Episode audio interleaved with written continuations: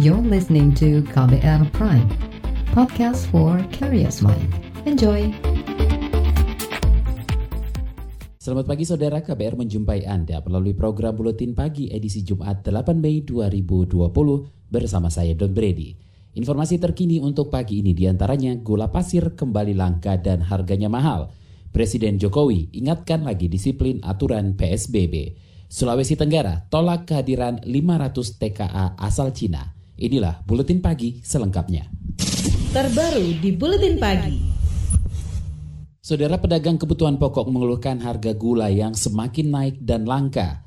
Pedagang di Pasar Bidadari Jakarta, Silvi mengatakan kenaikan harga terjadi pada semua jenis gula, baik curah maupun gula kemasan bermerek.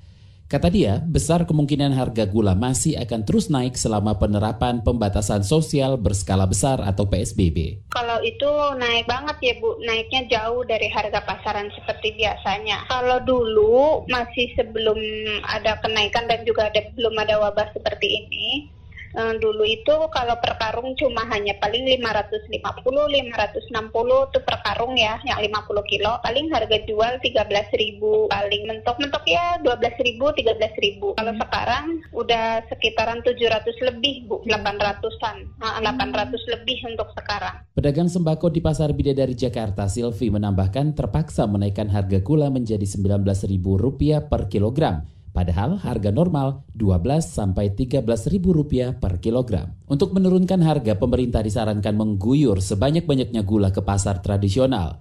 Ketua Umum Ikatan Pedagang Pasar Indonesia IKP, Abdullah Mansuri mengatakan harga jual gula di pasar tradisional saat ini Rp17.900 per kilogram, jauh meninggalkan harga eceran tertinggi yang ditetapkan pemerintah yakni Rp12.500 per kilogram. Guyurkan saja di pasar sebanyak-banyaknya. Kalau diguyurnya di retail, percuma tidak akan menurunkan harga. Jadi retail modern itu nggak akan menurunkan harga karena segmentasinya jelas berbeda. Jadi harus diguyur ke pasar tradisional. Cara berpandang Mendak itu harus berpikir pasar tradisional, bukan berpikir retail modern. Karena pasar tradisional bisa mempengaruhi retail modern, tapi retail modern tidak bisa mempengaruhi pasar tradisional. Ketua Umum Ikatan Pedagang Pasar Indonesia IKAPI, Abdullah Mansuri menambahkan konsumsi rumah tangga terhadap gula di saat penerapan PSBB terbukti meningkat. Padahal stok gula di pasaran sangat terbatas. Penyebab kelangkaan di Tenggarai karena stok gula nasional tahun ini terbatas. Data Asosiasi Gula Indonesia AGI menyebut stok gula nasional tahun ini 3,13 juta ton Sementara kebutuhan gula nasional 3,16 juta ton. Artinya, ada defisit 29 ribu ton yang harus dipenuhi melalui impor. Menurut Direktur Operasional Bulog Tri Wahyudi, gula, gula impor baru masuk Rabu ini. Saat ini pendataan dan pendistribusian masih dilakukan untuk segera didistribusikan ke pasar. Karena kan Bulog itu hanya mendapat alokasi impor 50 ribu ton. Itu pun kita dapat izinnya tanggal 7 April. Nah, tapi tiga hari yang lalu kami sudah datang, kapalnya sudah dari Tanjung Priuk, itu sedang bongkar. Sekitar 21.800 langsung kami distribusikan ke seluruh provinsi, kabupaten kota seluruh Indonesia. Masuk Jakarta. Kemudian tanggal 5 itu sudah masuk, sudah bersandar kapalnya di Pelabuhan Tanjung Priuk. Ini sedang didistribusikan ke seluruh wilayah Indonesia. Mudah-mudahan dengan masuknya gula ini bisa menekan harga. Direktur Operasional Bulog Triwa Wahyudi mengatakan jumlah gula impor yang diterima masih terbilang kecil, apalagi impor gula diperuntukkan untuk mencukupi konsumsi masyarakat dan industri. Sebelum gula impor masuk pada Rabu ini, menurut Tri, Bulog hanya punya stok sebanyak 10-15 ribu ton gula. Itu pun sebagian besar sudah didistribusikan ke semua provinsi. Saudara Dewan Pimpinan Nasional Andalan Petani Tebu Rakyat Indonesia DPN APTRI meminta Kementerian Perdagangan mengawasi perizinan impor gula dan distribusinya. Ketua Umum DPN APTRI Sumitro Samadikun mengatakan izin impor gula sudah diberikan pemerintah sejak November tahun lalu, tapi tidak langsung direalisasikan. Sumitro curiga tindakan itu semata demi mengeruk keuntungan dan bukan untuk pemenuhan kebutuhan pasar. Ini yang harusnya dikaji oleh pemerintah sebagai pihak yang memegang kekuasaan untuk memberikan izin dan sekaligus kontrol. Ini termasuk impor ini kacau, nggak sesuai dengan harapan pemerintah karena apa? Mereka hanya keluarin izin, kontrolnya nggak ada. Udah saya tanya sekarang, 250 ribu sesuai dengan surat Menteri Perdagangan pada Presiden pada awal bulan April. Minggu depan ini akan masuk dan ini langsung bisa dinikmati oleh masyarakat itu. 250 ribu itu konsumsi masyarakat Indonesia lebih dari satu bulan. Ketua Umum DPN Aptri Sumitro Samadikun menambahkan lambatnya realisasi impor gula dipengaruhi karantina wilayah di India.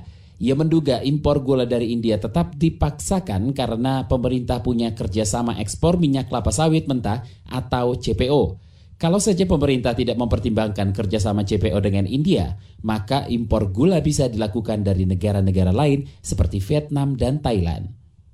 Pemerintah harus mengantisipasi musim giling tebu di sejumlah wilayah yang diperkirakan akan dimulai pertengahan bulan ini. Produksinya nanti bisa memenuhi stok dan pasukan gula di pasaran sehingga harga gula bisa turun. Pengamat pertanian dari Asosiasi Ekonomi Politik Indonesia, Kudori, mengatakan, pemerintah juga harus mengantisipasi kalau panen tebu petani berbarengan dengan datangnya gula impor. Pemerintah ini kan uh, sangat bias konsumen, Mbak. Ketika hmm. Harga tinggi ini teriak-teriak uh, pangan dikerahkan luar biasa. Ini tapi ketika harga jatuh bahwa harga acuan itu apa yang dilakukan? Bagaimana mereka menolong petani? Nggak ada. Jadi nggak adil menurut saya. Gitu. jadi misalnya bahwa uh, harus hati-hati harus diawasi betul jangan sampai uh, ini justru uh, membuat desinsentif dan memukul petani. Pengamat pertanian dari IP Kudori menambahkan pemerintah harus lebih mengawasi kebijakan impor dan relokasi gula rafinasi untuk menekan tingginya harga gula. Sekaligus jangan sampai harganya anjlok dan merugikan petani. Kita ke mancanegara, saudara penutupan 12 taman hiburan Disney di seluruh dunia sejak Januari lalu karena COVID-19 mengakibatkan keuntungan perusahaan turun hingga 91 persen selama triwulan pertama tahun ini. Disney mencontohkan anjloknya pendapatan dari sektor taman hiburan dan produk hingga mencapai 1 miliar dolar Amerika Serikat atau setara lebih dari 15 triliun rupiah. Sedangkan untuk semua sektor bisnisnya, Disney memperkirakan kerugian total mencapai 1,4 miliar dolar Amerika Serikat atau sama dengan 21 triliun rupiah lebih. Sementara itu perusahaan mengumumkan bahwa Shanghai Disneyland yang sudah ditutup sejak Januari akan dibuka kembali secara bertahap pada 11 Mei nanti. Pembukaan itu akan disertai penerapan prosedur kesehatan dan upaya pencegahan kasus baru virus corona melalui pembatasan jumlah pengunjung. Presiden Jokowi kembali mengingatkan disiplin terapkan aturan PSBB. Informasinya usai jeda, tetaplah di Buletin Pagi KBR. You're listening to KBR Pride, podcast for curious mind. Enjoy!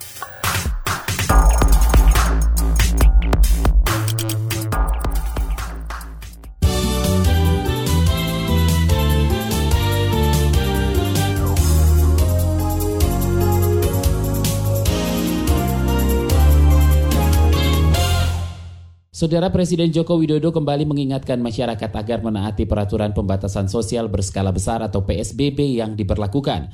Hal itu untuk membantu pemerintah menekan kurva penyebaran COVID-19. Jokowi mengatakan masih banyaknya warga tidak taat menggunakan masker dan berjarak, justru membuat usaha pemerintah menangani wabah virus corona tidak maksimal. Sekali lagi ingin saya tegaskan, yang utama adalah ikuti disiplin protokol kesehatan. Silahkan beraktivitas secara terbatas, tapi sekali lagi ikuti protokol kesehatan secara ketat. Semua ini membutuhkan kedisiplinan kita semuanya, kedisiplinan warga, serta peran aparat yang bekerja secara tepat dan terukur. Presiden Jokowi menambahkan pemilihan PSBB sebagai metode menekan penyebaran COVID-19 dinilai cukup efektif karena tidak menutup semua akses dan hanya melakukan pembatasan cukup ketat terhadap pergerakan orang. Hanya saja menurut Presiden disiplinnya masih kurang dilakukan masyarakat. Sebelumnya Presiden Jokowi menargetkan kurva penyebaran COVID-19 bisa ditekan pada bulan ini dan semakin terus turun signifikan hingga Juli mendatang. Pemerintah menyatakan sudah memeriksa spesimen sebanyak lebih dari 134 ribu yang berasal dari 96 ribuan orang. Juru bicara pemerintah untuk penanganan COVID-19 Ahmad Yuryanto mengatakan dari pemeriksaan kemarin bertambah 338 orang sehingga menjadi lebih dari 12.000 orang. Dari jumlah itu, jumlah sembuh bertambah 64 kasus menjadi 2.300-an orang. Sementara dari konfirmasi kasus positif yang kita rawat ada 64 yang sudah sembuh sehingga bertambah sehingga totalnya menjadi 2.381 orang ada 35 yang meninggal dari kasus konfirmasi positif sehingga totalnya menjadi 930 orang. Juru bicara pemerintah untuk penanganan COVID-19 Ahmad Yuryanto menambahkan jumlah ODP tercatat lebih dari 243 ribu orang, sedangkan PDP lebih dari 28 ribu orang. Menteri Keuangan Sri Mulyani Indrawati mengatakan pertumbuhan ekonomi Indonesia akan bergantung pada perluasan kebijakan pembatasan sosial berskala besar atau PSBB di berbagai daerah. Kata dia, Hal itu bisa terjadi kalau kuartal kedua dan ketiga tahun ini belum ada hasil memuaskan atas penanganan wabah virus corona. Oleh karena itu, kemungkinan masuk ke dalam skenario sangat berat itu mungkin saja terjadi dari 2,3 menjadi minus 0,4 ini apabila kuartal ketiga dan keempat kita tidak mampu merecover atau kalau pandemik kemudian menimbulkan dampak lebih panjang yaitu di kuartal kedua dan ketiga secara penuh di mana PSBB-nya belum dilakukan pengurangan. Menteri Keuangan Sri Mulyani mengatakan kebijakan PSBB yang hanya diterapkan di Jabodetabek pada Maret lalu berdampak pada turunnya pertumbuhan ekonomi triwulan pertama tahun ini ke level 2,97 persen atau terkontraksi 2,41 persen dibanding periode sama tahun lalu dengan 5,07 persen. Sri menjelaskan penerapan PSBB membuat konsumsi masyarakat turun ke level 2,84 persen pada triwulan pertama tahun ini, atau jauh dari pertumbuhan biasanya yang mampu mencapai 5 persen.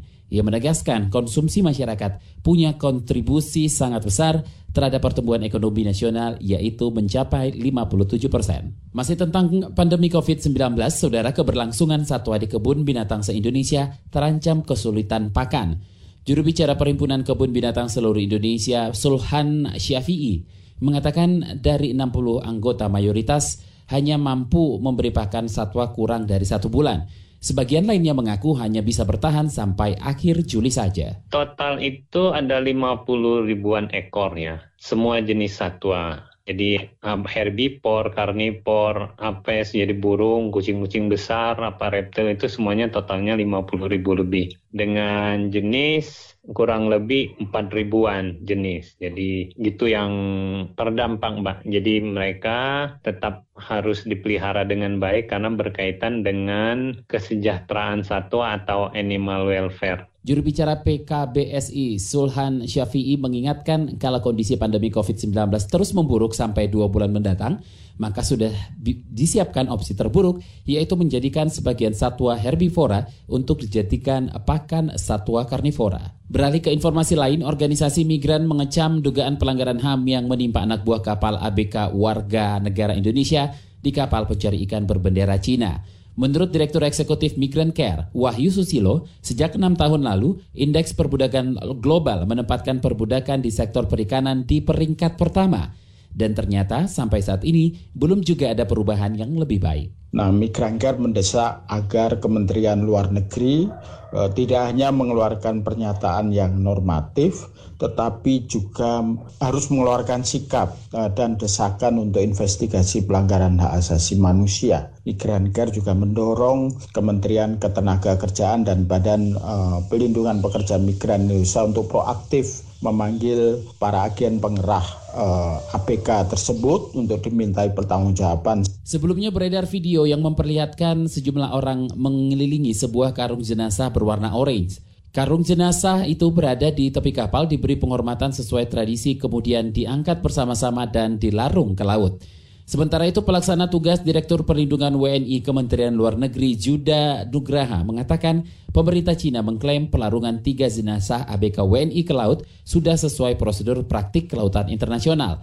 Kapten kapal memutuskan melarung jenazah karena diduga mengidap penyakit menular. Laporan khas KBR tentang para buruh yang terancam tidak bisa menikmati THR pada lebaran tahun ini akan kami hadirkan usai jeda. Tetaplah di Buletin Pagi KBR. You're listening to KBR Pride, podcast for curious mind. Enjoy!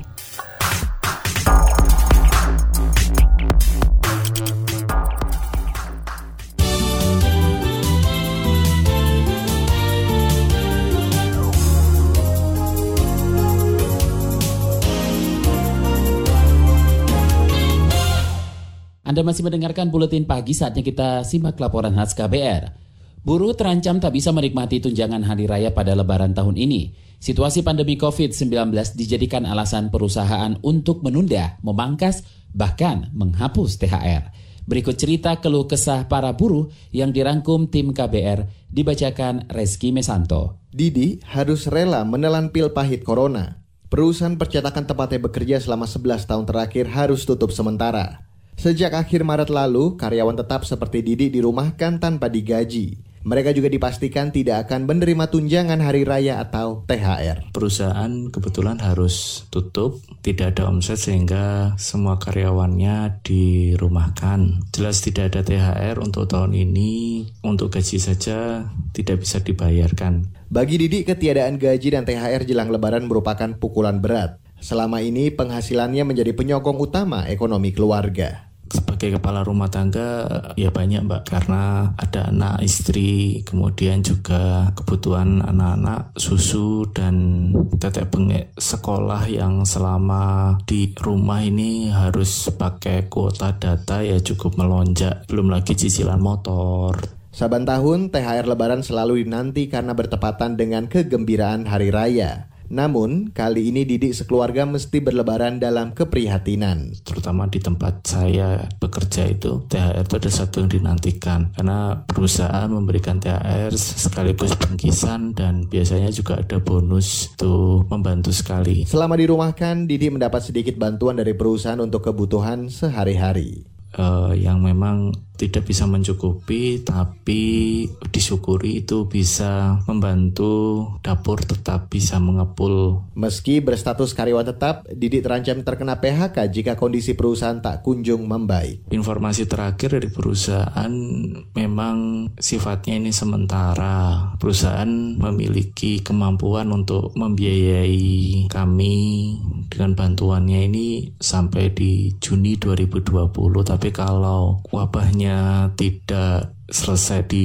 Juni 2020 kemungkinan besar kami semua akan di PHK oleh perusahaan Nama gue Selfie, kerja di perusahaan konsultan public relation. Nasib Selfie sedikit lebih beruntung.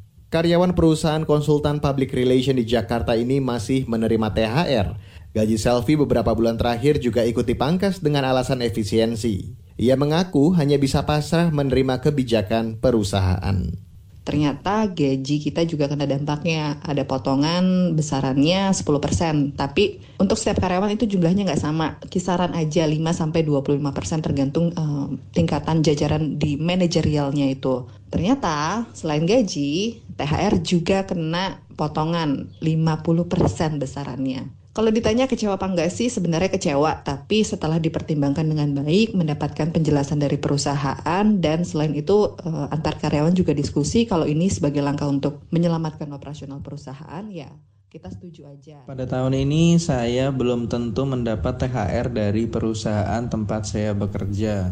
Lain halnya dengan Renov, karyawan di sebuah media nasional. Ia masih menunggu keputusan perusahaan tentang pembayaran THR.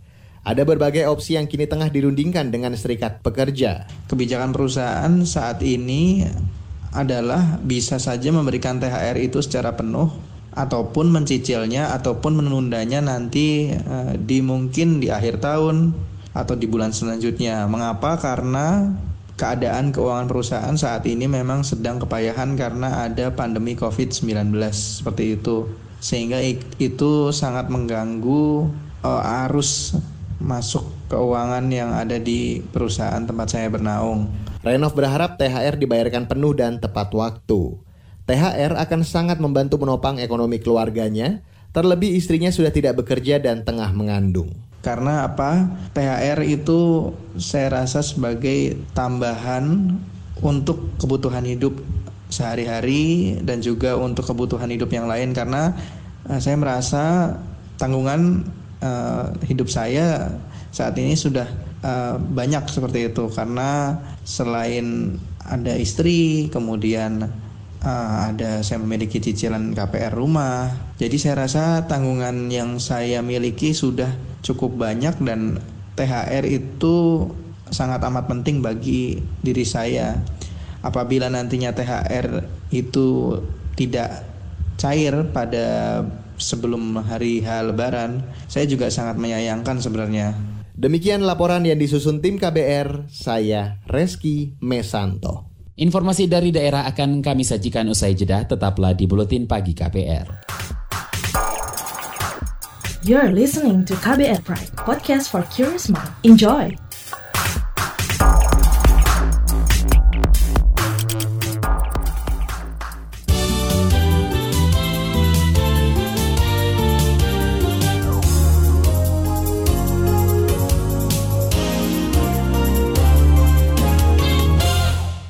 Inilah bagian akhir buletin pagi KBR, Saudara Gubernur Provinsi Sulawesi Tenggara Ali Mazi mengatakan tidak menolak rencana kedatangan 500 tenaga kerja asing asal Cina yang akan bekerja di salah satu perusahaan tambang Morosi, Kabupaten Konawe.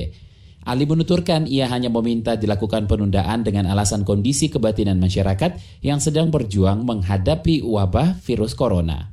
Kan namanya penundaan, ini kan mekanisme.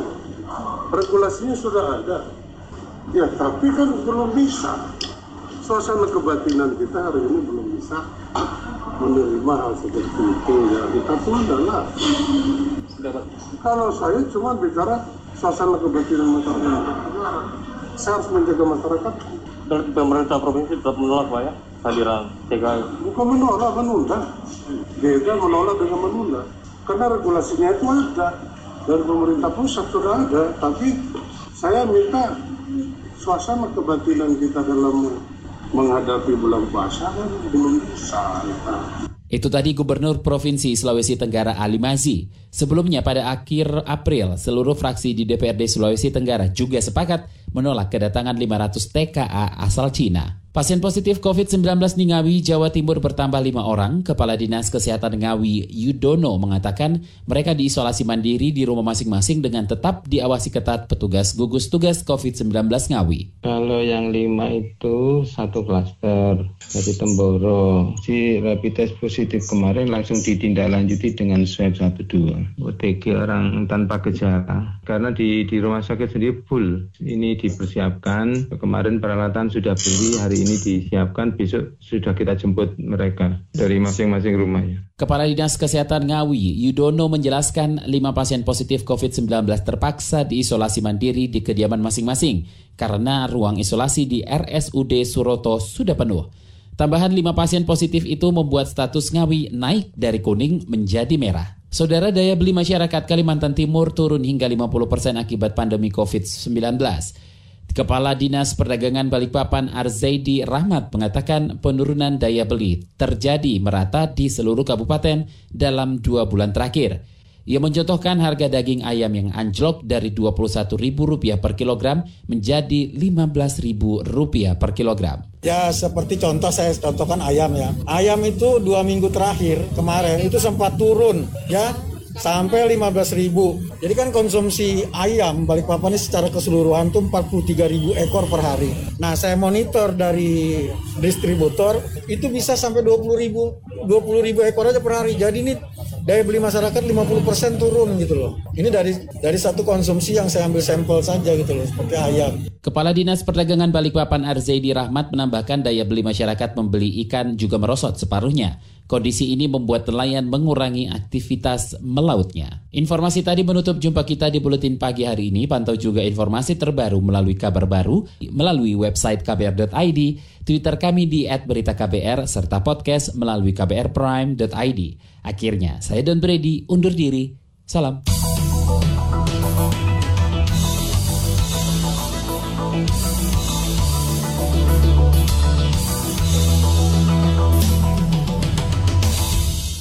KBR Prime, cara asik mendengar berita. KBR Prime, podcast for curious mind.